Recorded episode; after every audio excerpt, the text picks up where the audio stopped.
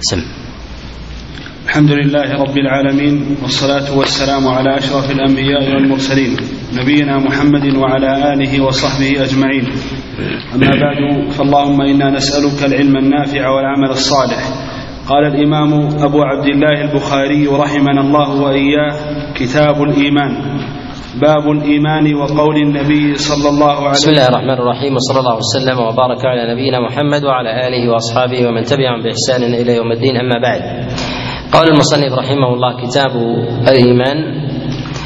آه البخاري رحمه الله ابتدأ كتابه بكتاب بدء الوحي إشارة إلى اعتماده على الوحي من كلام الله عز وجل وكلام رسول الله صلى الله عليه وسلم ثم جاء بعد ذلك كتاب الإيمان.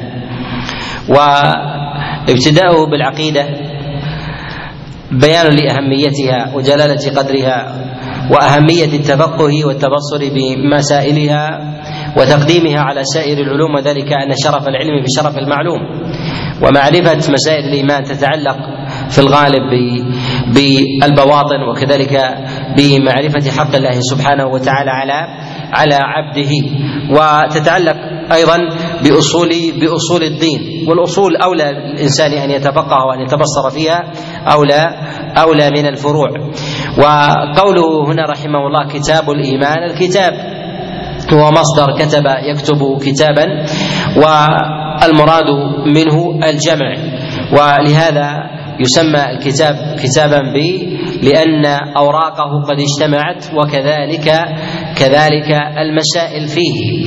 وتقول العرب تكتب بنو فلان إذا تجمعوا وتسمى الكتيبة كتيبة لاجتماع أوراق لاجتماع أفرادها ويسمى المكتوب كتابا لاجتماع الحروف لاجتماع الحروف فيه.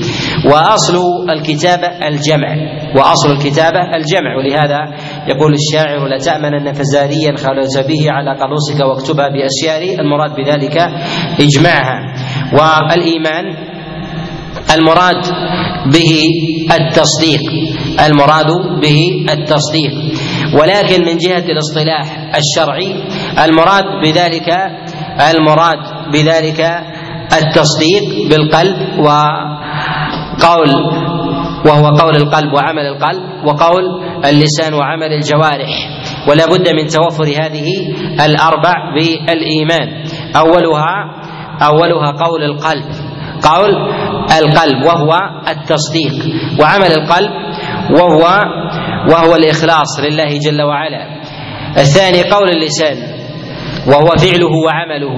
والقول يسمى يسمى فعل. وهذا يعضده ظاهر الدليل من كلام الله جل وعلا بقول الله سبحانه وتعالى زخرف القول غرورا ولو شاء ربك ما فعلوه فسماه قولا ثم ثم وصفه بانه بأنه فعل. وعمل الجوارح على الصفة والهيئة التي أمر الله عز وجل عز وجل بها. وهذا هو الإيمان. وهذا هو الإيمان. وهذه هي هي أجزاء وياتي الكلام عليه بإذن الله. نعم. قال رحمه الله باب الإيمان وقول النبي صلى الله عليه وسلم بني الإسلام على خمس. هنا ذكر الباب على ما ذكر فيه الكتاب والباب هو ما يدخل منه ويخرج منه أي أنه باب على هذه على هذه المسألة. وهي مسألة الإيمان وقول النبي صلى الله عليه وسلم بني الإسلام على خمس. المصنف رحمه الله هنا ذكر حديث النبي عليه الصلاة والسلام وهو حديث عبد الله بن عمر والذي يرويه حنظله عن عكرمه ابن خالد عن عبد الله بن عمر في قول النبي عليه الصلاة والسلام بني الإسلام على خمس شهادة أن لا إله إلا الله وأن محمد رسول الله وإقام الصلاة وإيتاء الزكاة وصوم رمضان وحج البيت من استطاع إليه من استطاع إليه سبيلا. هنا أراد أن يبين الإيمان ببيان أجزائه ببيان ببيان أجزائه وأجزاؤه هنا قد ذكرها على سبيل الإجمال والاختصار في حديث بني الإسلام على خمس. فذكر شهادة لا إله إلا الله وأن محمد رسول الله وهي باللسان وهي مقتضية لتصديق القلب وتصديق القلب مما لا يختلف فيه عند أهل الإسلام. وذكر النبي عليه الصلاة والسلام هنا الإسلام والمراد به هو مجموع الدين سواء بجميع مراتبه سواء كان ذلك الإسلام أو الإيمان أو الإحسان. وهي من المعاني التي بينها عموم وخصوص فإذا جاء واحد منها دل دل على على الباقي وإذا اجتمعت اجتمعت تباينت ويأتي الكلام على هذا بإذن الله بإذن الله تعالى. والنبي صلى الله عليه وسلم قال هنا بني الإسلام وشبه الإسلام بالبناء وهو نوع من بيان المعلومات بالأشياء المحسوسة بتقريب العلوم بالمثال حتى يتصور ويفهم الإنسان المسألة.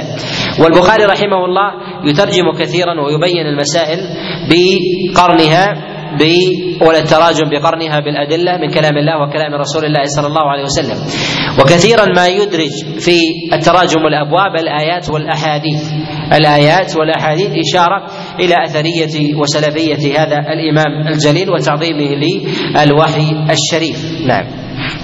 قال رحمه الله وهو قول وفعل ويزيد وينقص. قال الله تعالى ليزدادوا إيمانا مع إيمانهم وزدناهم هدى ويزيد الله الذين اهتدوا هدى والذين اهتدوا زادهم هدى وآتاهم تقواهم ويزداد الذين آمنوا إيمانا وقوله أيكم زادته هذه إيمانا فأما الذين آمنوا فزادتهم إيمانا وقوله جل ذكره فاخشوهم فزادهم إيمانا وقوله تعالى وما زادهم إلا إيمانا وتسليما ذكر المصنف رحمه الله في بيان الإيمان قال وهو قول وفعل ويزيد وينقص.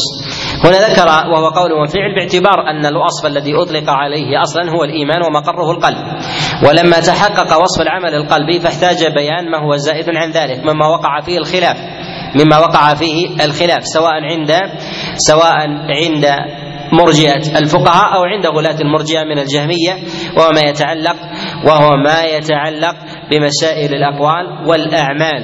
وربما خالفوا ببعض أعمال الباطن ويأتي الكلام عليه.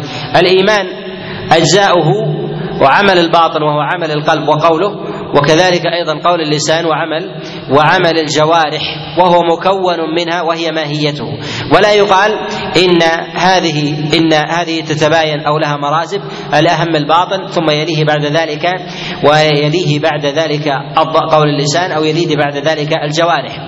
لا يمكن أن يقال هذا إلا باعتبار العباد لا باعتبار رب العباد. إنما قلنا باعتبار العباد يعني باعتبار المؤاخذة. فنحن نؤاخذ الناس بظواهرهم بعمل الجوارح والبواطن إلى الله. أما من جهة تحقق أصل الإيمان فلا بد أن نقول إن عمل القلب وقول اللسان والجوارح سواء. إذا تحقق سبب في إذا تحقق الإيمان إذا تحقق الإيمان بهذه الثلاثة تحقق الإيمان. وإذا تحقق ضد الإيمان ونقيضه بأحد هذه بنقض أحد هذه هذه الأجزاء انتقض انتقض حينئذ حينئذ الإيمان.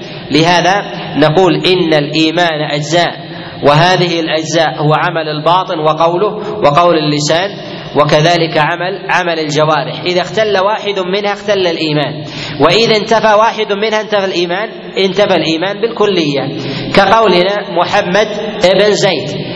فمحمد بن زيد هو محمد وهو ابن زيد وهو محمد بن زيد سواء نسبناه لمحمد أو نسبناه لأبيه أو نسبناه لنفسه وأبيه فقلنا محمد بن زيد أو ابن زيد أو محمد فإذا مرض محمد فالذي مرض بن زيد وإذا مرض بن زيد فالذي مرض محمد وإذا مرض محمد وبن زيد فالذي مرض محمد بن زيد وإذا مات محمد بن زيد فالذي مرض هذا وهذا ومات هذا هذا وهذا فإذا ثبت الكفر بالفعل فيثبت الكفر بعمل القلب وكذلك بقول اللسان. ولا ننتظر ثبوت ذلك بالقلب أو الإفصاح عنه. ولهذا نقول كما أن الإيمان يتحقق بقول اللسان وعمل الجوارح وعمل وعمل القلب كذلك أيضا فإن الكفر يتحقق بأحد هذه بأحد هذه الأجزاء. وهذا لازم إذا قلنا أن الإيمان هو متكون من هذه الأجزاء فلا بد أن يثبت الكفر بورود أحد هذه بورود المكفر على أحد هذه الأعمال. ومن خالف في ذلك فمن خالف في ذلك فقد وقع فقد وقع في البدعة والضلال. والبدعة في ذلك متباينة والطوائف في ذلك والطواف والطوائف في ذلك والطوائف في ذلك متباينون. وقوله هنا أنه قول وفعل ويزيد وينقص. القول معلوم وهو قول اللسان يسمى بالكلام أو اللفظ ونحو ذلك. وأما بالنسبة للفعل عمل الجوارح يسمى عمل ويسمى فعل. أما القول فإنه يسمى فعل ولكن لما اجتمع مع القول هنا خرج إلى عمل إلى عمل إلى عمل الجوارح. ويدخل أيضا عمل القلب وفعله بهذا الإطلاق. ولهذا قال وهو قول وفعل لأن القلب فيه قول وفعل. قوله هو التصديق. القول هو التصديق. وأما الفعل فهو الإخلاص. ولهذا للقلب قول وفعل وللسان قول وللجوارح وللجوارح قول وفعل. ولهذا ولهذا يصح في لغة العرب أن يوصف الفعل بالقول. فتقول قال فلان بيده كذا. قال فلان بيده بيده كذا. وهو إنما إنما فعل. وهذا وهذا سائر. ولهذا اقتصر على قوله وهو قول وفعل ويزيد وينقص.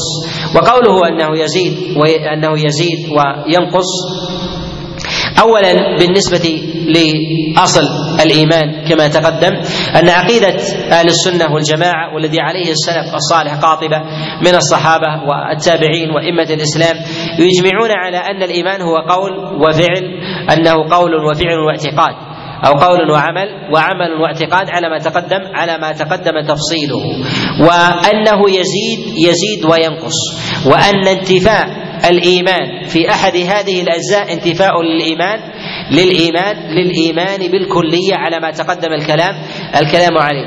وأما ما يريده البعض من قولهم أن الإيمان هو اعتقاد القلب وقول اللسان وأما بالنسبة للجوارح فهذا ليس من الإيمان وإنما هو من متمماته أو من كماله أو شرط صحة أو نحو ذلك. هذا هذا من الخطأ. هذا من الخطأ. وإنما نقول إن الاعتقاد والقول وعمل الجوارح كلها إيمان. هذا كلها إيمان. لا هذا شرط لهذا ولا هذا شرط لذاك. وإنما نقول أن الإيمان أن الإيمان هو قول وفعل قول وفعل واعتقاد. فلا بد أن تتوفر هذه حتى يوصف الإيمان. واذا انتفى واحد منها فقد وقع الانتفاع عليها كلها عليها عليها كلها. كأن يأتي شخص ويقول مات محمد بن زيد. وأتى آخر وقال مات ابن زيد. أو جاء آخر ويقول مات محمد. فهو فهو واحد. فإذا باشر الإنسان الكفر بفعله وقع في الكفر. وإذا باشر الفعل بقوله وقع في الكفر. وإذا باشر الفعل باعتقاده وقع في الكفر. ولو كان ولو كان يعمل يعمل الطاعة. ولهذا الإنسان يكفر بورود شعبة الكفر فيه إذا تحققت على سبيل العمد على سبيل على سبيل العمد. وأما بالنسبة للإيمان فلا بد من توفر الشعب مجموع الشعب حتى يتحقق في ذلك الإيمان أو قوة الإيمان فيه وينتفي في ذلك وينتفي في ذلك الموانع. والطوائف في ذلك متنوعة طائفة المرجئة وهم وهم فيهم الغلاة. غلاة المرجئة يقولون إن الإيمان هو تصديق القلب فقط. وهو الجامية. وقد جاءوا بجملة من البدع ومن هذه البدع أنهم لزموا بقولهم وقالوا بالجبر ونفوا صفات الله عز وجل وقالوا بفناء النار لأنه لازم الجبر ونافي تصديق القلب فناء النار لعدم ورود العقاب من الله سبحانه وتعالى. ويلزم من ذلك أيضا أن الإيمان لا يزيد ولا ينقص لأن مقره لأن مقره القلب. والزيادة قالوا إنما تطرأ على قول اللسان وعمل الجوارح. هي التي يستقل منها الإنسان ويستكثر. وهذا وهذا منتفي فيجعلون الناس على إيمان واحد. وهؤلاء غلاة الجميع ولازم قولهم جملة من المفاسد. ومن جملة هذه المفاسد أنهم يقولون أنه لا يوجد ضلال ولا يوجد ولا يوجد أخيار ولا هداة ولا كفار ولا مؤمنون. كل يعبد الله جل وعلا فمن عبد الحجر عبد الله. ولا يلزم من ذلك انهم نفوا صفات الله عز وجل وقالوا إن الله حل في كل مكان. بل قالوا إن الله جل وعلا إنه لا يوجد خالق ومخلوق ولا يوجد عابد ومعبود. فكل ما يعبد ويتوجه إليه يتوجه إلى الله. والله حال في العبد. وتحيروا في ذلك تحيرا بالغا فإذا كلما استحضروا شيئا التزموه حتى قال قائل العبد ربا والرب عبد فيا ليت شعري فيا ليت شعري من المكلم. وهؤلاء التزموا بكثير من اللوازم الفاسدة من قولهم بإيمان فرعون وإيمان إبليس فإن إبليس يصدق بقلبه يصدق بقلبه كما هو في ظاهر القرآن أن الله جل وعلا رب وهو المالك والمتصرف. ولهذا سأل الله جل وعلا الانظار فقال رب فأنظرني إلى يوم يبعثون. أنظره الله جل وعلا أنظره الله سبحانه وتعالى. ولا يسأل إلا قادر على إلا قادر على على الانظار فسأل الله سبحانه وتعالى وهذا يلزم منه أن يقال بصحة إيمان إيمان إبليس وعدم ورود العذاب عليه. وأما آية العذاب وآيات العذاب وأحاديث العذاب الواردة على إبليس وفرعون تعولوها بمعاني بمعاني فاسدة. كذلك بالنسبة لفرعون فإنه يؤمن بقلبه بحق الله جل وعلا بالعبادة. ولهذا لما أدركه الغرق قال آمنت أنه لا إله إلا الذي آمنت به بنو بنو إسرائيل. فهو آمن إذا برب بالله سبحانه وتعالى ولا يمكن أن يتحقق الإيمان في ذلك إلا وهو كامل في القلب. فصرح به عند عند إدراك الغرق الغرق له. وهؤلاء الغلاة الزنادقة الذين أظهروا أمثال هذه الأقوال. عطلوا أحكام الشريعة بالكلية ولم يفرقوا بين فاسق وطائع وكذلك عطلوا الأمر بالمعروف والنهي عن المنكر لأن حتى المعطل عابد لله بمجرد بقائه ومكثه لأن الله حال فيه. وكذلك عباد الأصنام ويلزم من ذلك إلغاء أحوال النبي عليه الصلاة والسلام فلماذا قاتل وجاهد وفعل إذا كان هذه الأمور التي أخبرتم عنها موجودة؟ فإذا كان الله عز وجل منتفي الصفات وحال في كل مكان فهو حال قبل وبعد النبوة. فلا قيمة لي النبوه حينئذ ولا قيمة أيضا للعقاب وإقامة الحدود والتأديب وغير ذلك. وكثير من الأمور والمفاسد التي يلتزمون بعضا ويدعون بعضا. قال ويزيد وينقص. الزيادة والنقصان في الإيمان ثمة طوائف منها من الطوائف المرجئة ويظهر في هذا القول ما يسمون بمرجئة بمرجئة الفقهاء. وهم وهم على على مذهبين وهما روايتان في مذهب أبي حنيفة رحمه الله. الطائفة الأولى الذين يقولون ان إن الإيمان هو تصديق القلب وقول اللسان. وهذه أشهر الروايات عن أبي حنيفة عليه رحمة الله وعليها أكثر أكثر اصحابي أكثر أصحابي. الرواية الثانية الذين يقولون إن الإيمان هو تصديق القلب. وأما بالنسبة لعمل الجوارح هو شرط صحة خارج عن الإيمان. شرط صحة خارج عن الإيمان. أو شرط كمال أو ركن. وهذه أقوال وهذه أقوال أهل الإرجاء.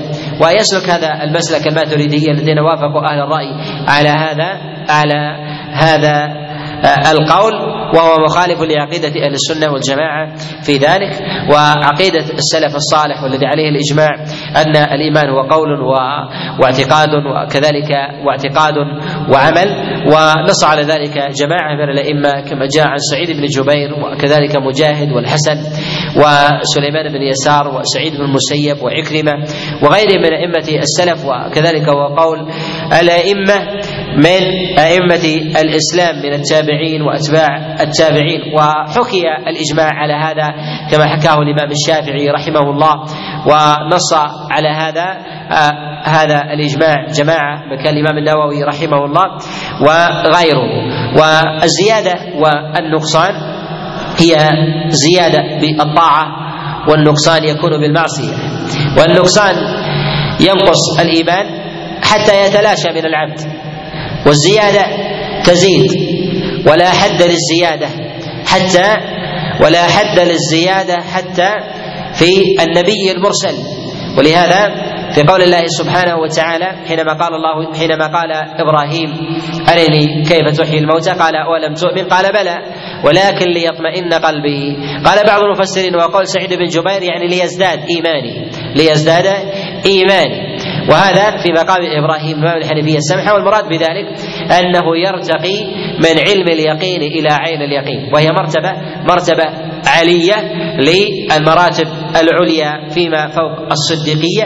وهي لمراتب الأنبياء والناس يتباينون في ذلك بقدر بقدر ثبوت ثبوت أسباب اليقين والايمان والإيمان في قلوبهم. وذكر المصنف رحمه الله جملة من الأدلة من كلام الله جل وعلا على زياده على زيادة الإيمان.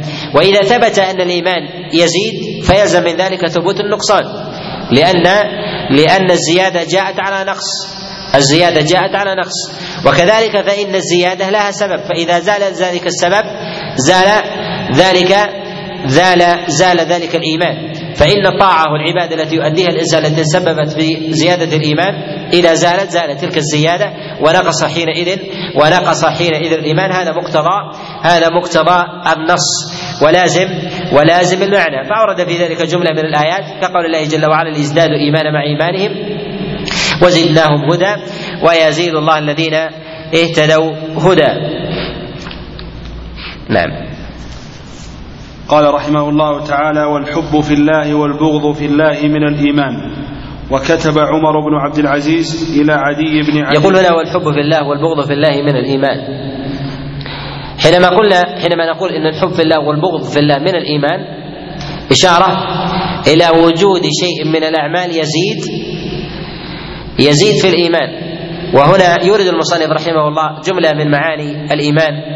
فيقول باب إطعام الطعام من الإسلام إشارة إلى زيادة الإسلام بهذه الأعمال. زيادة الإسلام بهذه الأعمال سواء من عمل الجوارح أو أقوال اللسان أو عمل القلب. ومقصده في ذلك هو تحقق هذا الأصل وثبوت أيضا أسماء الإسلام والإيمان والإحسان. نعم.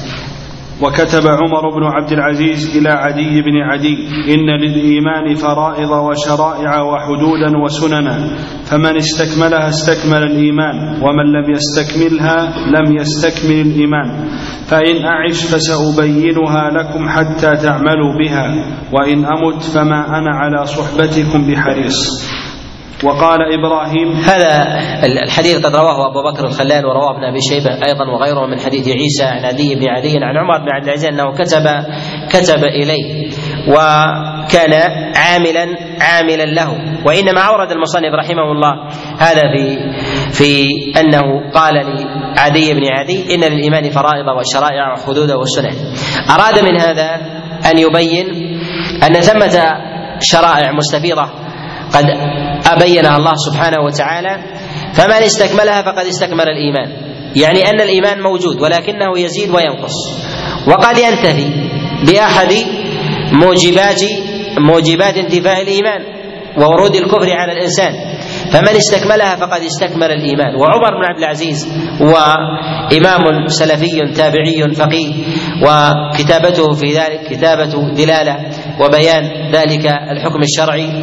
وهذا الكتاب كتاب مشهور يستدل به الأئمة على هذه المسألة في مسألة زيادة الإيمان زيادة الإيمان ونقصانه. ويزيد الإيمان والنقصان بحسب العمل بحسب العمل. والعمل لا بد أن يتحقق بالقول وكذلك أيضا بالإعتقاد وبعمل الجوارح. فإذا اصبح أصبحت هذه حاضرة في كل عمل زاد الإيمان ولو كان العمل قليلا. فإذا أدى الإنسان ركعتين بقلب حاضر وعمل الجوارح تاما وكذلك قول اللسان فإنه أقرب إلى الله عز وجل ممن يصلي عشر ركعات والقلب حينئذ منصرف. لماذا؟ لأن عمل القلب وهو أيضا إيمان قصر عن عن الحضور. ولهذا قلنا إن عمل القلب إن عمل القلب إن القلب له قول وله عمل. القول هو التصديق. التصديق أن هذا الحكم شريعة أن هذا الصلاة من الله سبحانه وتعالى. هذا هذا هو القول. أما بالنسبة للعمل فهو الإخلاص. والإخلاص هو الذي يزيد العمل وينقصه من جهة الثواب عند الله عند الله سبحانه وتعالى. ولهذا نقول كلما كان القلب حاضرا في حال عمل الجوارح وقول اللسان فإنه يزيد من الإيمان. كذلك إذا زادت الموافقة في عمل الإنسان بجوارحه فجاء على اتباع وهدى زاد. ولهذا لكل شيء من هذه من أجزاء العمل في عمل الجوارح وقول اللسان وكذلك عمل القلب كلما توفر توفرت فيه القوة زاد ذلك العمل من إيمان من إيمان الإنسان. نعم. قال رحمه الله وقال إبراهيم ولكن ليطمئن قلبي وقال معاذ اجلس بنا. والطمأنينة المراد بذلك هي الزيادة كما جاء ذلك عن سعيد بن جبير كما رواه ابن جرير الطبري في كتابه التفسير. نعم. وقال معاذ اجلس بنا نؤمن ساعة. وقال ابن مسعود اليقين الإيمان. وفي قول معاذ ابن جبل عليه رضوان الله تعالى اجلس بنا نؤمن ساعة. هذا الحديث قد رواه ابن أبي شيبة في كتاب المصنف آه، من حديث شداد بن هلال عن معاذ بن جبل عليه رضوان الله تعالى قال اجلس بنا نؤمن ساعة. ومراده بإجلس بنا نؤمن ساعة أي أن الإنسان يزداد بجلوسه في حلق العلم إيمانا بجلوسه في حلق العلم في حلق العلم إيمان فينبغي له أن يزداد من الإيمان بالاستكثار من أمر الطاعة.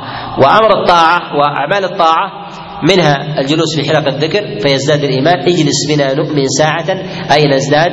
نزداد إيمانا. وهذا أيضا فيه إشارة إلى أن الزيادة في التلبس بالعمل يزيد الإيمان. كلما استكثر الإنسان الساعة تختلف عن الساعتين والثلاثة تختلف عن الأربع وهكذا. وكذلك أيضا ثمه ما هو أبعد من ذلك مما لا يتلبس الإنسان في ذاته ما له علاقة بغيره. كقول النبي عليه الصلاة والسلام صلاة الرجل إلى الرجل أزكى من صلاته وحده صلاة الرجلين والرجل إلى الرجلين أزكى من صلاته إلى الرجل. وهكذا. فإن الأعمال تزيد بحسب ما يقترن بها. نعم. وقال ابن مسعود اليقين الإيمان كله.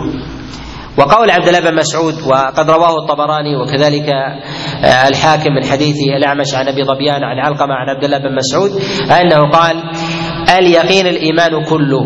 المراد من هذا باليقين هو ما يقع في قلب الإنسان من تصديق لله سبحانه وتعالى وما يتبعه من عمل الجوارح وقول اللسان. لأن الإنسان إذا تحقق فيه يقين القلب تاما فإن عمل الجوارح وقول اللسان سيصبح تاما إلا لمانع خارج عن الإنسان لا داخل فيه. لأن الموانع على نوعين موانع داخل داخل الإنسان وموانع خارجه عنه. الموانع الداخلة هي الأعمال القلبية أقوال اللسان عمل الجوارح في ذاته هو لا يريد. هذا هو المانع في ذاته. كذلك العلل النفسية في ذاته. كالموانع النفسية الملل السآمة الكره وغير ذلك. أو العلل البدنية كالعرج أو العمى ونحو ذلك. منها ما يعذر به الإنسان ويكتب له الأجر في حال ورود العذر إذا وردت النية. ومنها ما لا يعذر بها الإنسان. لا يعذر الإنسان الإنسان فيها. لكونها قاصرة عن عذره أو لكونها لكونه قد تسبب بوجودها قد تسبب بوجودها. فالإنسان الذي يقول إنني أمل من العبادة أو لا أحب العبادة فهذا سبب داخل داخل فيه. هذا لم يتحقق فيه اليقين. أما من تحقق فيه اليقين وهو داخل فيه لا بد أن يتحقق فيه القول والفعل. لا بد أن يتحقق فيه القول القول والفعل لورود الإيمان. لهذا قال على سبيل التفسير اليقين هو الإيمان الإيمان كله. وأما الأمور الخارجة عن الإنسان الأمور الخارجة عن الإنسان وهي الاكراه الاكراه يمنع الإنسان وهو على نوعين إكراه ملجئ وإكراه غير غير ملجئ. منها ما يرخص به الإنسان ومنها ما يرخص على خلاف في في نوع المسألة وكذلك نوع الإكراه. نعم. وقال ابن عمر لا يبلغ العبد حقيقة التقوى حتى يدع ما حاك في الصدر. وفي قول عبد الله بن عمر رضي الله عنه لا يبلغ العبد حقيقة التقوى حتى يدع ما حاك في الصدر. إشارة إلى التلازم. إشارة إلى التلازم بين عمل الجوارح وعمل القلب. أن الإنسان لا يمكن أن يدرك أو أن يصل إلى حقيقة التقوى الظاهرة من اتقاء أعمال أو الاتيان بأعمال خشية عقاب الله جل وعلا إلا وقد لزم من ذلك ورود الباطل. لهذا الإيمان متلازم. إذا وجد في القلب لابد أن يوجد في الجوارح. وإذا وجد في الجوارح إذا كان صحيحا فلا بد أن يوجد في القلب. والكفر إذا وجد في الجوارح فلا بد أن يوجد في القلب. وهكذا. ولهذا إذا ورد الكفر في أحد هذه الأجزاء لا بد أن يتحقق في الأجزاء الأخرى ولا نطلب له يقينا ولا نطلب له له يقينا. فمن سجد لصنم لا نطلب بيانا لسجوده لا نطلب بيانا لسجوده في باطنه. هل استحل ذلك أو استباح أم لا؟ لا. لماذا؟ لأن الإيمان قول واعتقاد وعمل. فإذا ورد ما ينافيه في أي شيء من هذه الأجزاء ثبت ذلك الكفر باطنا باطنا وظاهرا. كما أن الإيمان يتحقق في ثبوته بالقول والاعتقاد والعمل وهي متلازمة. إذا ثبت هذا ثبت هذا. كذلك أيضا في في مسألة الكفر. وقال مجاهد شرع لكم أوصيناك يا محمد وإياه دينا واحدا. و وشرعة الله سبحانه وتعالى لعباده المراد بها هي الإعلام. الشريعة المراد بها الإعلام والإشهار والظهور. ولهذا قال فسرها مجاهد بن جبر كما روى ذلك ابن جرير الطبري وغيره من حديث ورقة عن ابن أبي نجيع عن مجاهد بن جبر أنه قال في قول الله جل وعلا شرع لكم أوصيناك يا محمد وإياه دينا دينا واحدا. وأي أن عمل أو أن الإيمان دين واحد لا ينفك بعضه عن بعض. فلا نقول إن عمل الجوارح شيء وقول اللسان شيء وعمل القلب شيء بل هو دين واحد كله. إذا أصيبت إذا أصيب به علة فإن العلة في الإيمان كله. إذا جاءت علة في الجوارح فإن العلة في القلب.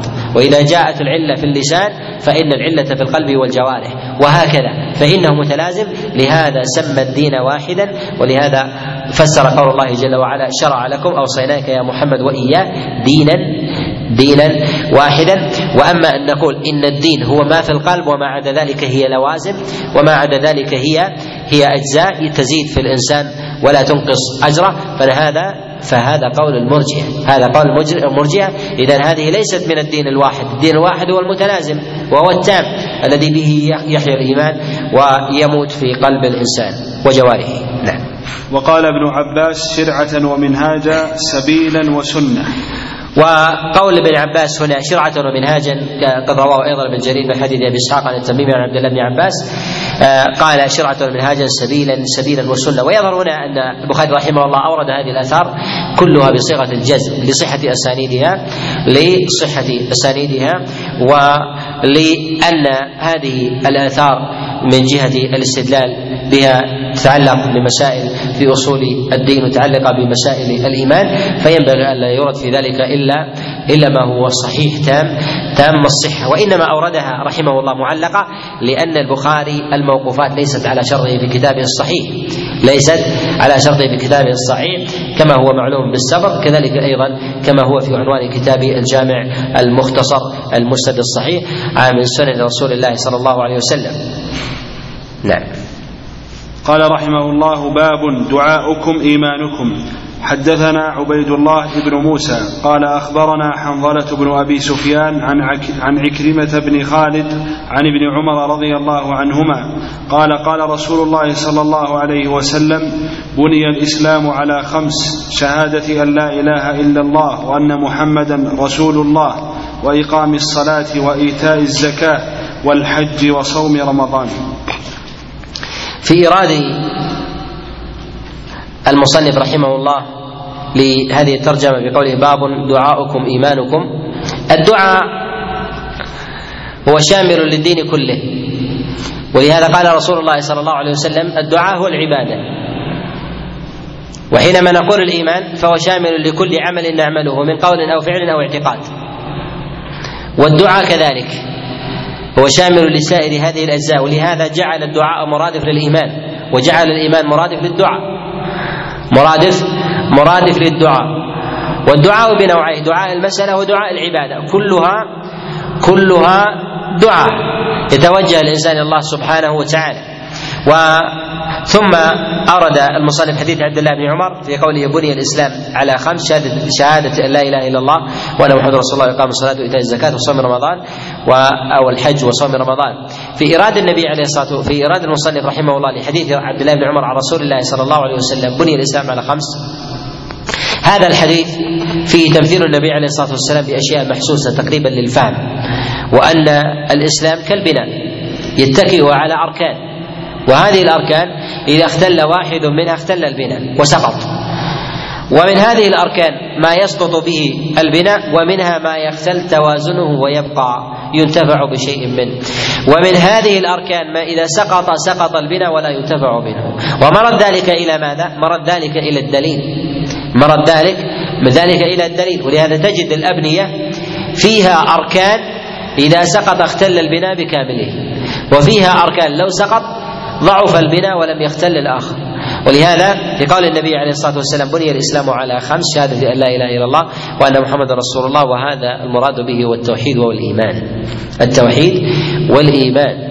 وهذا التوحيد والإيمان وما وما يدخل معه في هذا المعنى في قول شهادة لا إله إلا الله وأن محمد رسول الله الشهادتان هما التوحيد. وقد جاء هذا مفسرا في حديث عبد الله بن عباس في الصحيحين وغيرهما حينما أرد حينما بعث رسول الله صلى الله عليه وسلم معاذا إلى اليمن قال إنك تأتي قوما أهل كتاب فليكن أول ما تدعوهم إليه شهادة لا إله إلا الله وأن محمد رسول الله.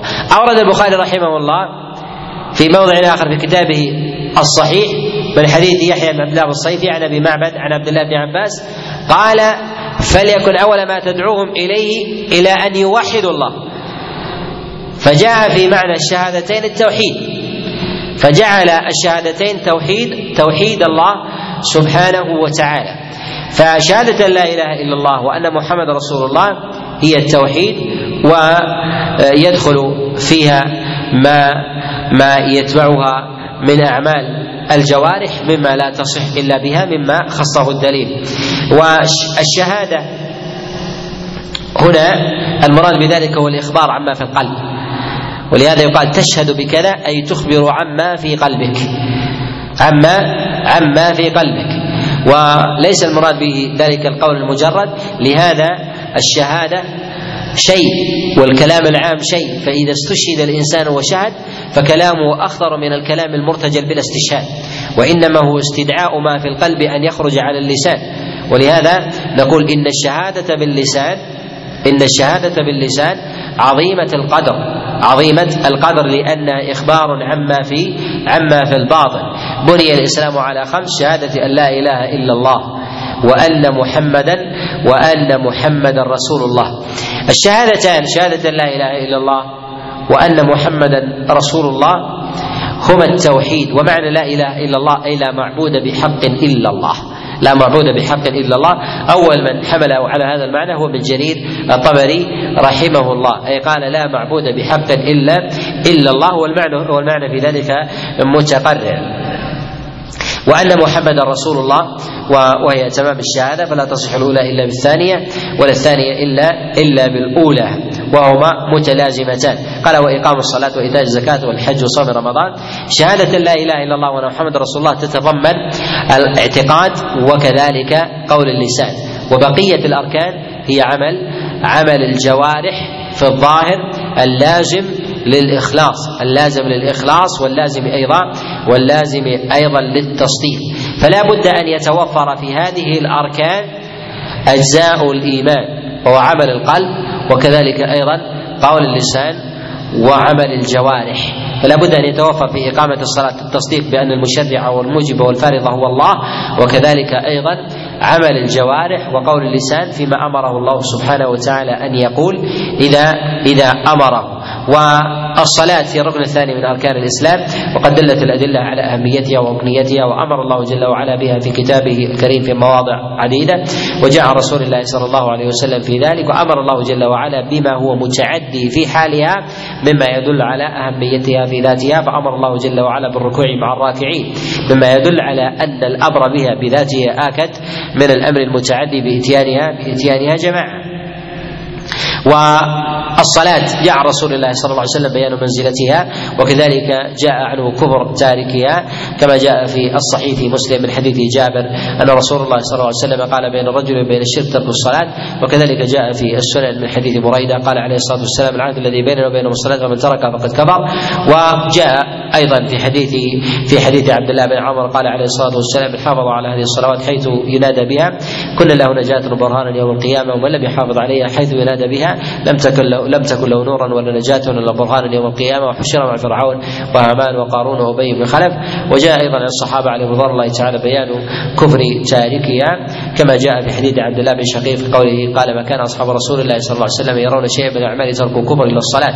كما رواه الترمذي في حديث بشر مفضل عن الزرير به وكذلك جاء أيضا عن التابعين كما رواه محمد بن نصر من حديث حماد بن زيد عن أيوب بن تيمية السختياني أنه قال ترك الصلاة كفر لا نختلف لا نختلف يختلف فيه. كذلك أنه جاء عند ابن جرير وغيره في تفسير قول الله جل وعلا فويل للمصلين الذين هم عن صلاتهم ساهون؟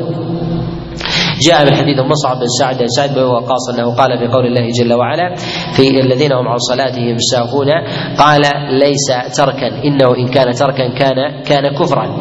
وحكي الإجماع على هذا وبعض العلماء يقول إنما هو إجماع على الوصف بالكفر لا على الإجماع على على كونه على كونه كفرا أكبر. وهذا قد ذكره غير واحد كما أشار إليه محمد بن نصر في كتابه تعظيم تعظيم قدر الصلاة. وحكي القول بتكفير بقية الأركان عن جماعة من السلف. وقال بذلك بعضهم وهو يروى عن عبد الله بن مسعود في سائر ضعف وجاء أيضا عن سعيد بن جبير وجاء أيضا عن نافع وجاء أيضا عن الحكم.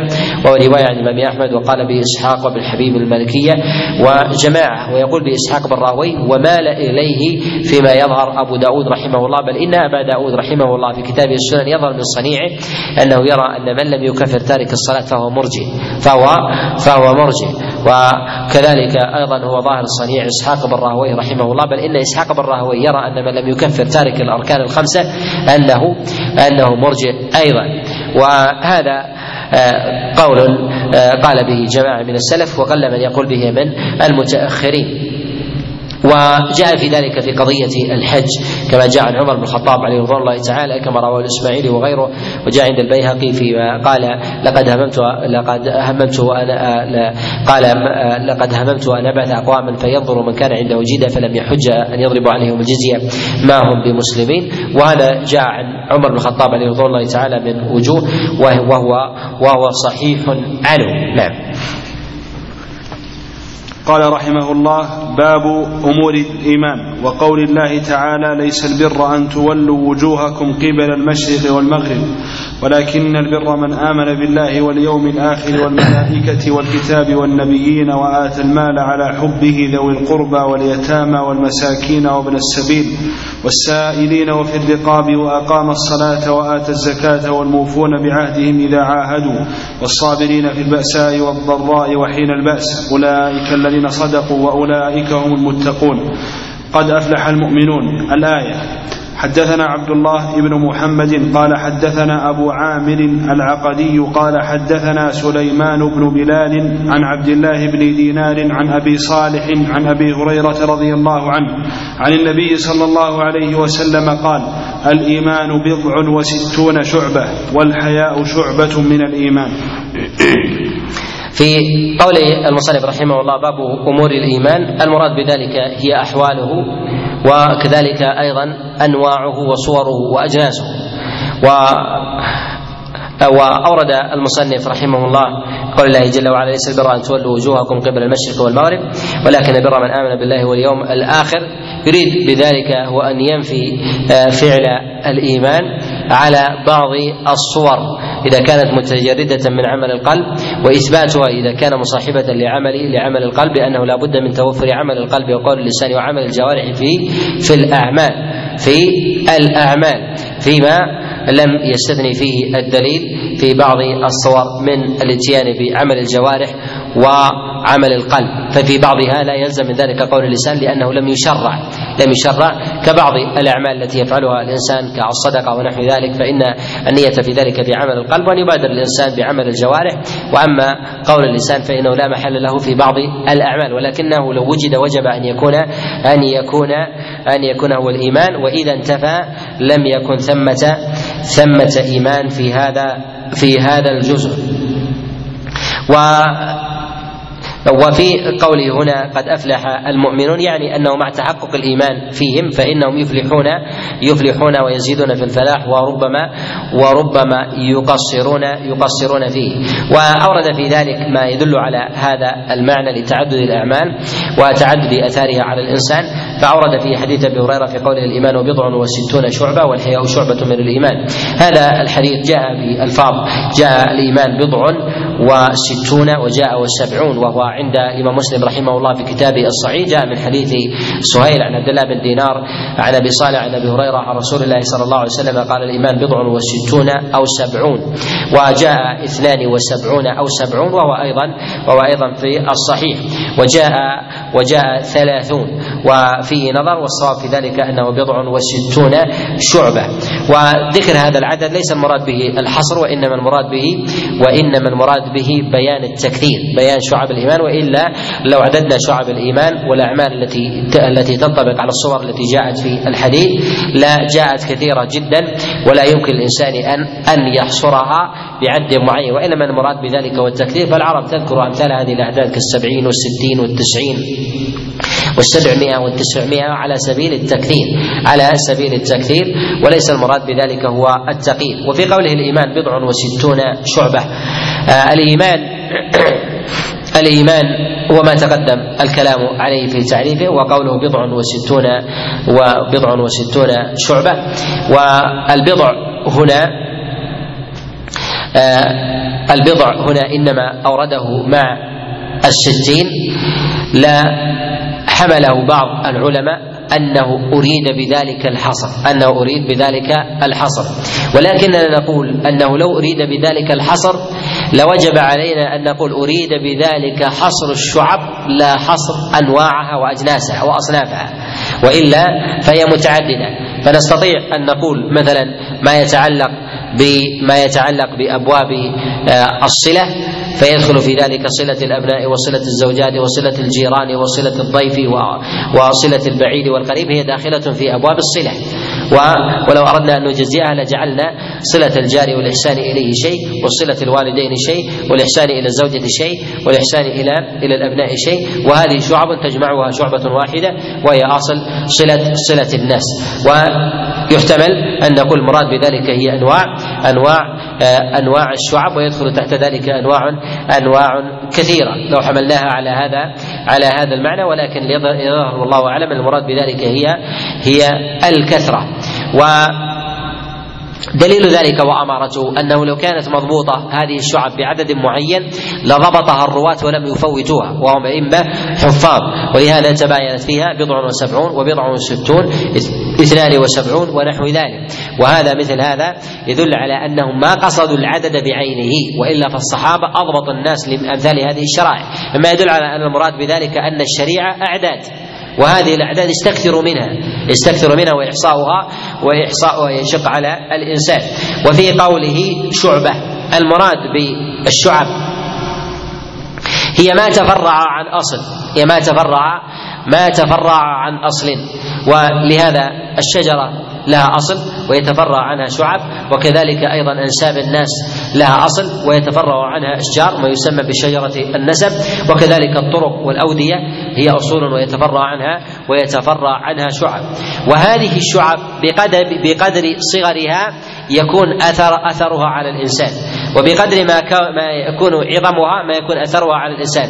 فإذا كانت الشعبة عظيمة وهي كأصل الشجرة ونحو ذلك وساقها فإن أثرها على الإنسان عظيمة وهي وهي التوحيد وأركان الإسلام ونحو ذلك. ثم يكون بعد ذلك شعب عظيمة كأغصان الشجر ثم بعد ذلك يكون أغصان يسيرة أو ورق يسيرة وكبيرة ويكون بذلك أجزاء من الأعمال. ولهذا هناك من الأعمال ما ثوابها عظيم وهناك ما ثوابها قليل وهناك من الآثام ما ثوابها مع مع عقابها عظيم وهناك ما ما هي دون دون ذلك. وهذا بحسب ما يقترن بها من تعظيم من تعظيم أو تحقير ومرد ذلك إلى الدليل وكذلك أيضا إلى العمل.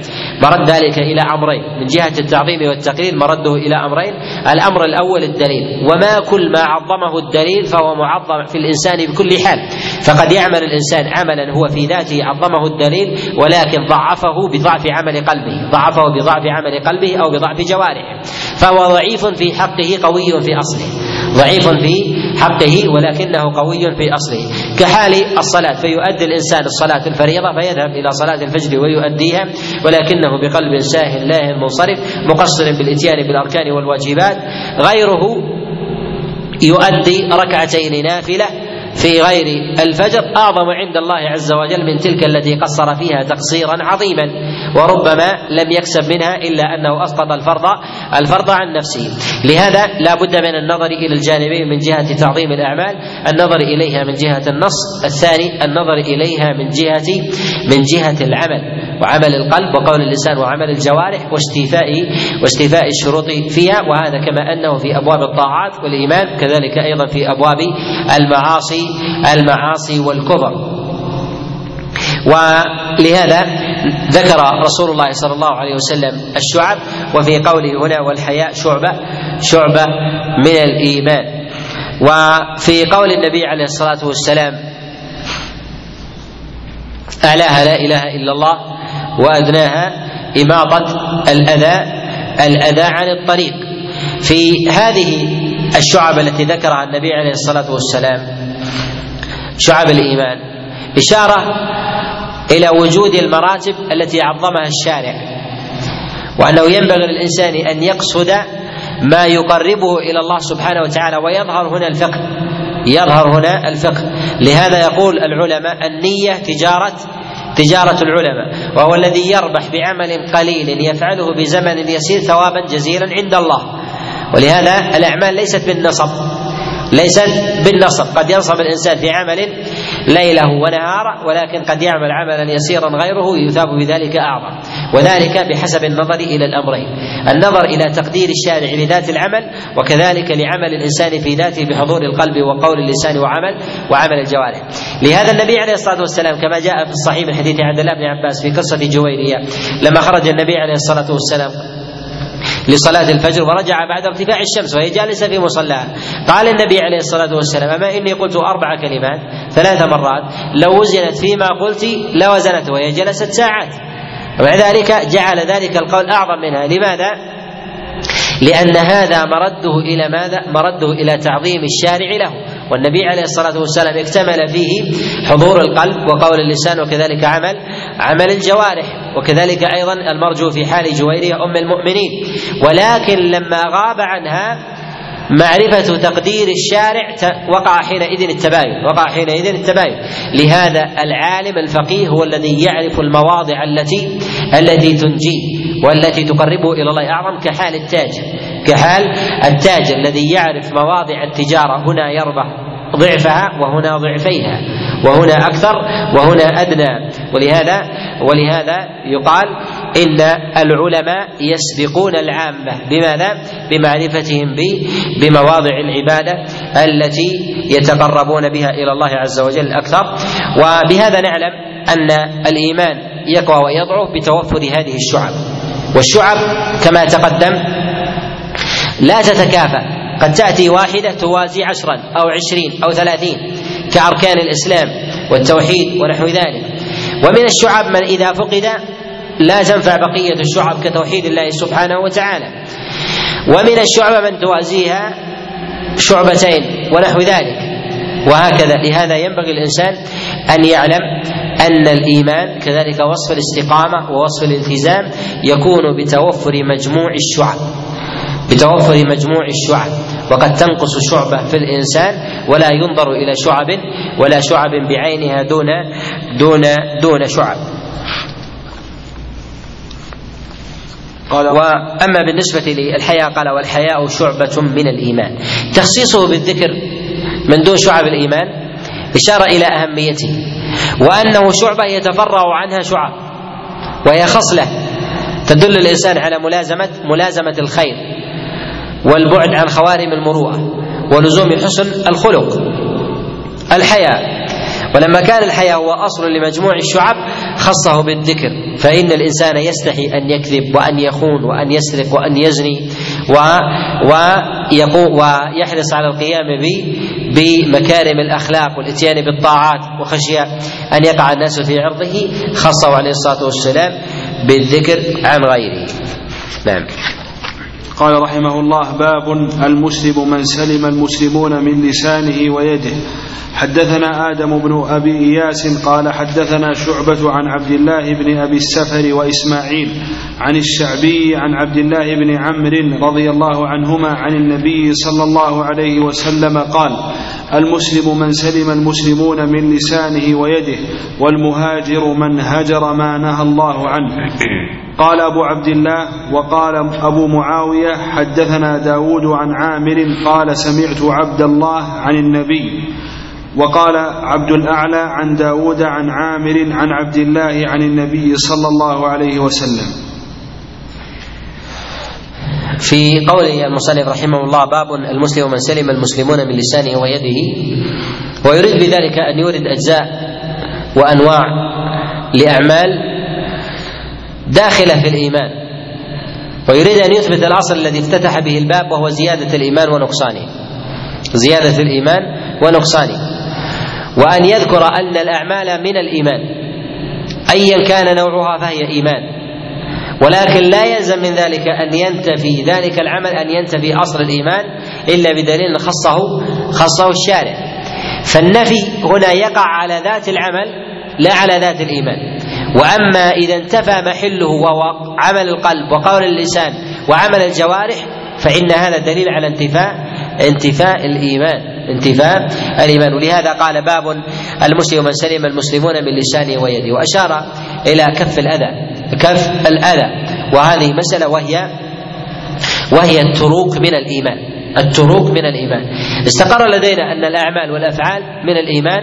نقول كذلك التروك كذلك التروك من الإيمان. إذا ترك الإنسان الأذى وأخلص أثيب على ذلك. وهذا قدر زائد عن الفعل. وهذا من لطف الله جل وعلا وجميل إحسانه أن الإنسان يثاب على الترك.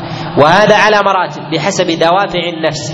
فإذا وجد الإنسان دافعا في نفسه على الإقدام على عمل سوء ثم كبح نفسه عن الإقدام على ذلك ككتم الغيظ وكظمه عن أن ينتقم ممن له حق الانتقام فصبر عمن آذاه فأجره عند الله عز وجل أعظم. بخلاف الذي الذي يكف الأذى ولا يستحضر شيئا في قلبه يدفعه إليه. كحال الإنسان مثلا لا حاجة إلى السرقة أو الغصب أو الضرب ونحو ذلك. هذا لا يثاب على ذلك لا يثاب عليه. ويظهر الثواب عند ورود الدافع القلبي أو الدافع الظاهر. وهذا في أبواب التروك. وإذا استحضر الإنسان النية نية الترك في ذلك يثاب عليها على تلك النية ويعظم الأجر عند الله عز وجل ويضعف بحسب الدافع وحضور النية بحسب الدافع وحضور النية. فالإنسان يكف أذاه عن الآخرين يمر بالناس في اليوم مئة شخص ومئتين. هل يؤجر على تركه لهؤلاء؟ لا يؤجر حتى يستحضر النية. ويعظم الأجر إذا اعتدى عليه أحد بعينه من هؤلاء المئة وكف أذاه عنه لوجود الدافع في قلبه أعظم من تركه للمئة الآخرين.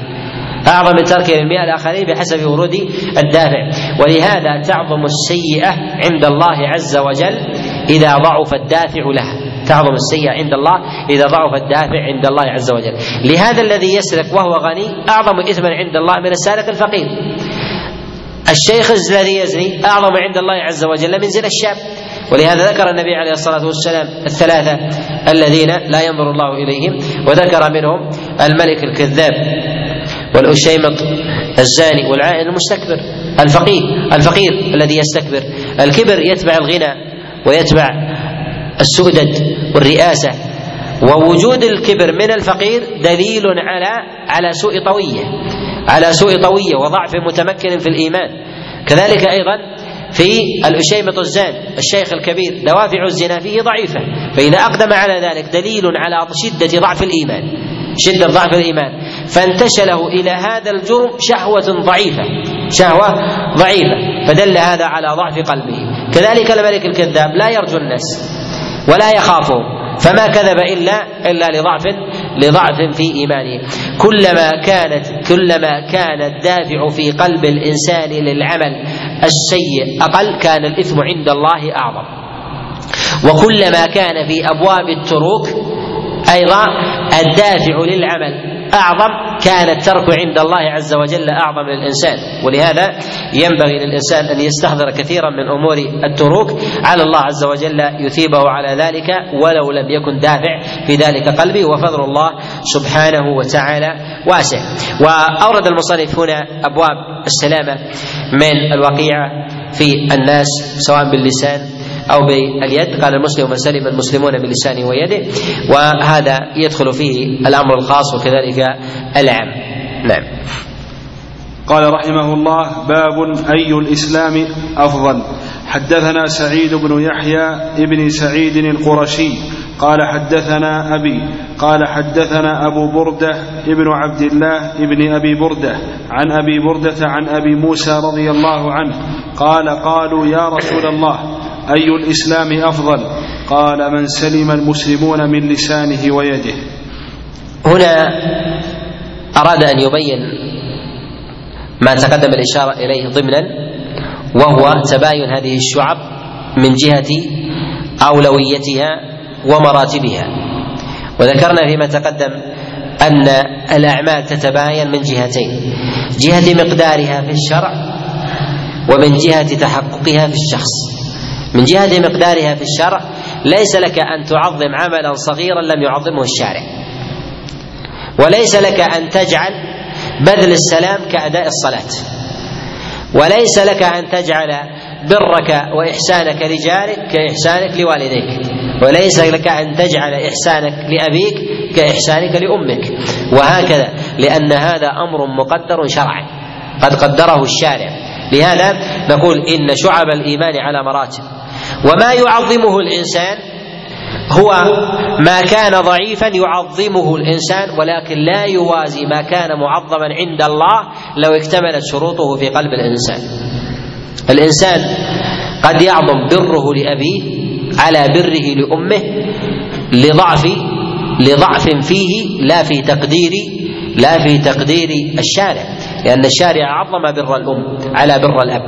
ولكن ربما يقبل بعضهم بإخلاص تام ببره لأبيه ولا يكون حاضر القلب ببره لأمه. فيضعف بره لأمه أجرا ويعظم بره لأبيه عند الله عز وجل لتحقق ذلك الأمر فيه. ولهذا نقول إن هذه المسألة مسألة موازنة. ولا بد للإنسان أن يستحضر أن يستحضر الأمرين. وهنا إنما يورد رحمه الله الأحاديث عن رسول الله صلى الله عليه وسلم فيما هو مقدر شرعا. فيما هو مقدر شرعا لا فيما يتحقق في ذات الإنسان. فأورد هنا التباين في قوله قال أي الإسلام أفضل؟ إشارة إلى أن الإسلام فيه فاضل ومفضول. فيه فاضل ومفضول عند المقارنة وكله فاضل عند الانفراد. وكله فاضل عند الانفراد. وعند المقارنة فثمة فاضل ومفضول فقال أي الإسلام أي الإسلام أفضل؟ قال من سلم المسلمون من لسانه من لسانه ويده. يعني أن أبواب التروك تفوق أبواب الأعمال في بعض الأحيان. تفوق أبواب الأعمال في بعض الأحيان. وإنما النبي عليه الصلاة والسلام خص هذا الرجل بهذا الحكم. مع تباين الجواب فالنبي عليه الصلاة والسلام سئل قال أي الإيمان أفضل؟ قال أي العمل أفضل؟ قال إيمان بالله قيل ثم ماذا؟ قال جهاد في في سبيله ويأتي عن رسول الله صلى الله عليه وسلم سئل أي العمل أفضل؟ قال الصلاة على وقتها تباين الجواب في ذلك وذلك لاختلاف لاختلاف حاجة حاجة السائل فلما اختلفت حاجة السائل اختلف تبعا لذلك الجواب وهذا من فقه وهذا من فقه المجيب وهذا من فقه المجيب أن يعلم حال السائل حتى يجيبه بما ينفعه لا بما ينفع غيره. العالم المتبصر في ذاته يكون جوابه قاصرا إذا لم يعرف موضع الجواب. فيجاوب الناس على نسق واحد. فإذا سئل أي العمل أفضل؟ قال إيمان بالله. قيل ثم ماذا؟ قال جهاد في سبيله ويستمر على هذا الجواب. وربما الذي يسأله ليس من أهل الجهاد. رجل قاعد أو رجل مريض أو ربما امرأة أو ربما صبي أو شيخ كبير أو ربما مقصر بشيء لا يتحقق الجهاد إلا بإتمام ذلك. فالرجل الذي لا يؤدي الصلاة ومقصر فيها لا يقال له إيمان بالله ثم جهاد في سبيله وإنما يقال له الصلاة على وقتها. ولهذا ينبغي للعالم أن أن يضع العلم موضعه من السائل لا موضعه من الشريعة فقط. لا موضع من الشريعة من الشريعة فقط وهذا من الفقه والحكمة. نعم. قال رحمه الله باب إطعام الطعام من الإسلام. وهنا إنما قدم اللسان على اليد قال المسلم من سلم المسلمون من لسانه ويده لأن سلامة اليد تابعة لسلامة اللسان. ووقوع الأذى من اللسان أظهر من وقوع الأذى من اليد. ولا يقع الأذى من اليد إلا وسبقه الأذى من اللسان. فالإنسان يسب ويشتم ويضرب وهكذا وإلا لا؟ نعم. قال رحمه الله باب إطعام الطعام من الإسلام. حدثنا عمرو بن خالد قال حدثنا الليث عن يزيد عن أبي الخير عن عبد الله بن عمرو رضي الله عنهما أن رجلا سأل النبي صلى الله عليه وسلم أي الإسلام خير؟ قال تطعم الطعام وتقرأ السلام على من عرفت ومن لم تعرف. وهذا فيه ما تقدم من تلك الدلالة من بيان شعب الإيمان وكذلك أيضا ما يزيد الإيمان و ويتممه للعبد. وأيضا في حرص أصحاب رسول الله صلى الله عليه وسلم السؤال عن عن الأعمال وعن المراتب العاليه وفيه أنه ينبغي للمعتني أن يسأل عن الأتم وأن يسأل عن الفاضل وأن يدع المفضول وأن يعرف المراتب التي تجعله يسبق. يسبق الناس. الإنسان إذا أراد أن يسلك طريقا يوصله إلى بلد من مكة المدينة يسأل ما هو أقصى الطريق. كذلك أيضا من جهة العمل حينما يقول أي الإسلام أفضل؟ أي ما هو طريق أقصر طريق يوصلني إلى الله؟ لماذا؟ لأنه يريد أن يأخذ الزاد. قال أي الإسلام أفضل؟ قال تطعم الطعام وتقرأ السلام على من عرفت ومن لم تعرف. فذكر إطعام الطعام وإقراء السلام على من عرفت ومن لم تعرف لحاجته إلى لحاجة السائل إلى إلى ذلك. نعم. قال رحمه الله باب من الإيمان أن يحب لأخيه ما يحب لنفسه. حدثنا مسدد قال حدثنا يحيى عن شعبة عن قتادة عن أنس رضي الله عنه عن النبي صلى الله عليه وسلم وعن حسين المعلم قال حدثنا قتادة عن أنس عن النبي صلى الله عليه وسلم قال لا يؤمن أحدكم حتى يحب لأخيه ما يحب لنفسه. أورد المصنف رحمه الله قول باب من الإيمان أن يحب لأخيه ما يحب لنفسه. هنا قال من الإيمان؟ أن يحب لأخيه ما يحب لنفسه. المحبة للأخ ما يحبه لنفسه هي ضد ما يسمى بالطمع والجشع والشح وما يسميه أهل العصر بالأنانية أن يحب لأخيه ما يحبه لنفسه. وهذا محبة قلبية المحبة القلبية. وليس المراد بذلك هي المبادرة العملية. ولهذا ربط ذلك بالمحبة ومحل المحبة القلب. محبة القلب. ولا يلزم من ذلك أن لا يتحقق الإيمان حتى يعمل. فإذا اشترى الإنسان طعاما لنفسه اشترى لجاره وإلا لا يتحقق له الإيمان. أو شرب أعطى جاره. أو اشترى سيارة اشترى لمن حوله حتى لا لا نقول هذا المراد بذلك هو عمل المراد بذلك هو عمل القلب. حتى يحب لأخيه يحب إذا اشترى سيارة أن يكون لفلان سيارة. اشترى بستانا أن يكون لفلان بستان. تحقق له الخير يحب أن يكون له مثله. هذه المحبة القلبية علامة على الإيمان. وأما الأمر الآخر وهو الإيثار فهو مسألة أخرى. فهو مسألة مسألة مسألة أخرى. وفي قوله هنا لا يؤمن أحدكم حتى يحب لأخيه ما يحب لنفسه. هنا المصنف قال باب من الإيمان. والحديث لا يحب أحدكم لأ يؤمن أحدكم حتى يحب لأخيه ما يحب ما يحب لنفسه. يظهر من هذا أن البخاري رحمه الله فسر الحديث أن المراد بنفي الإيمان نفي تمامه ونفي الكمال. فجعل تحقق المحبة هو تحقق زيادة الإيمان. زيادة زيادة الإيمان. لأن انتفاء المحبة لا يعني من ذلك من ذلك تمني زوال النعمة لأن ذلك الحسد. الإنسان الذي لا يحب لفلان الخير لا يحب أن فلانا يشتري سيارة. لكن لا يحب أن سيارته تحترق أو بستانه يهلك. لا. يقول يبقى على ما هو عليه. وإلا لا. فهذا هل يكون هذا من جملة من انتفى إيمانه؟ لا. لا نقول من انتفى إيمانه. ولكن نقول إذا تمنى أن يهلك الإنسان هذا هل يتحقق فيه الإيمان؟ نقول إذا كان ذلك يتوجه إلى المؤمنين عامة فهذا لا يمكن أن يكون مؤمن أبدا. لكن شخص بعينه نقول هذا نقص نقص في الإيمان. لهذا في قول النبي عليه الصلاة والسلام لا يؤمن أحدكم حتى يحب لأخيه. ما يحب لنفسه المراد من ذلك هي المحبة القلبية والمراد من ذلك هو هو نفي كمال الإيمان لا نفي الإيمان بالكلية. وإذا توجه ذلك إلى المؤمنين عامة أن الإنسان لا يحب له ما يحب لنفسه انتفى الإيمان بالكلية. لأنه مع التعدد لا يمكن أن يقول إني أقصد فلانا بعينه. لا يمكن أن يقول أقصد فلانا بعينه وإنما يقصد ما اشتركوا فيه وهو الإيمان. ما اشتركوا فيه وهو الإيمان. نعم. قال رحمه الله باب حب الرسول صلى الله عليه وسلم من الإيمان. طيب نكتفي بهذا القدر. في سؤال إخوان. نعم. نعم. يقول الإيمان بضع وستون شعبة. هل الكفر بضع وستون شعبة؟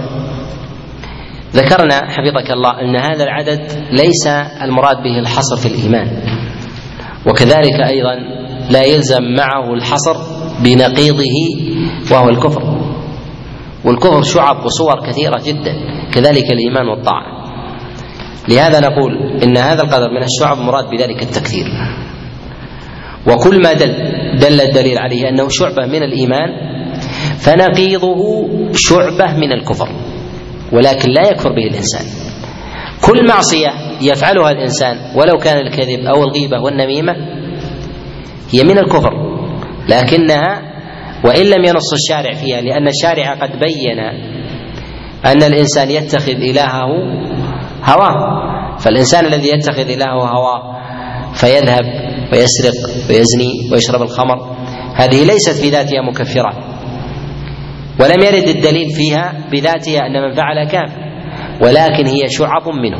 هي شعب شعب منه لا يكفر بها الإنسان. نعم.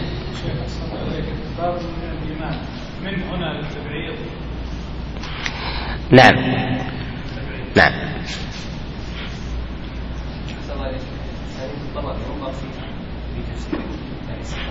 نعم. لا ينظر إليها. ينظر إليها كغيرها ولكن ييسر فيها؟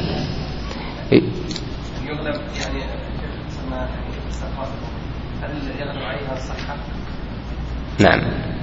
يغلب عليها الصحة في رسالة ستطبع في وستنزل السوق بعد أيام هي بعنوان التقرير. التقرير في علم أسانيد التفسير.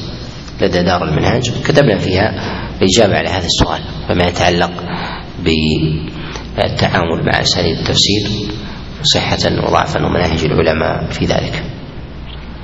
نعم.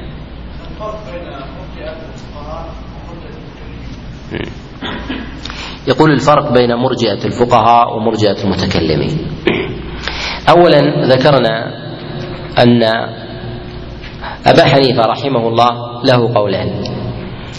القول الأول في الإيمان أنه يقول إن الإيمان هو اعتقاد القلب وقول اللسان وقول اللسان. وهذا القول هو قال به جماعة من أصحابه. القول الثاني اللي يقولون إن الإيمان هو اعتقاد القلب اعتقاد القلب. وأما بالنسبة لاركان بالنسبة للعمل وقول اللسان فإن هذا متمم للإيمان أو ركن منفصل منفصل عنه. وهذا يقول به طوائف طوائف من آه، من المتكلمين ممن يذهب أو ينحى منحى أهل الرأي.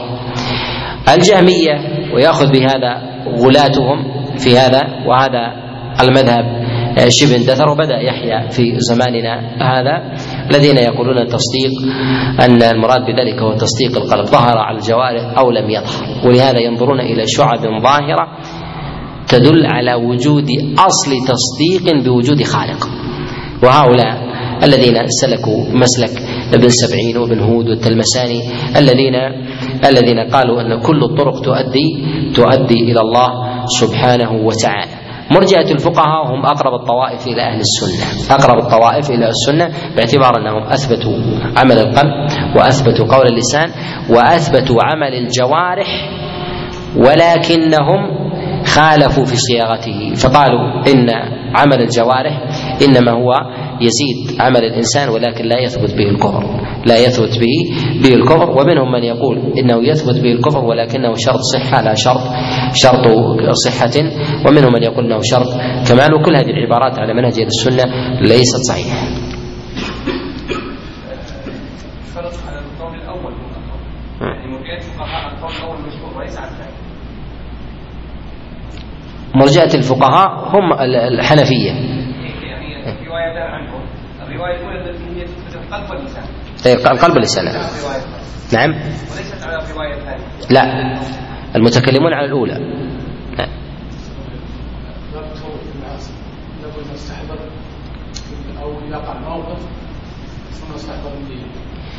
يقول بالنسبة لأبواب التروك للمعاصي لا بد أن نستحضر النية مطلقا ولو لم يكن ثمة موقف نقول يؤجر على النية ولو لم يكن ثمة موقف.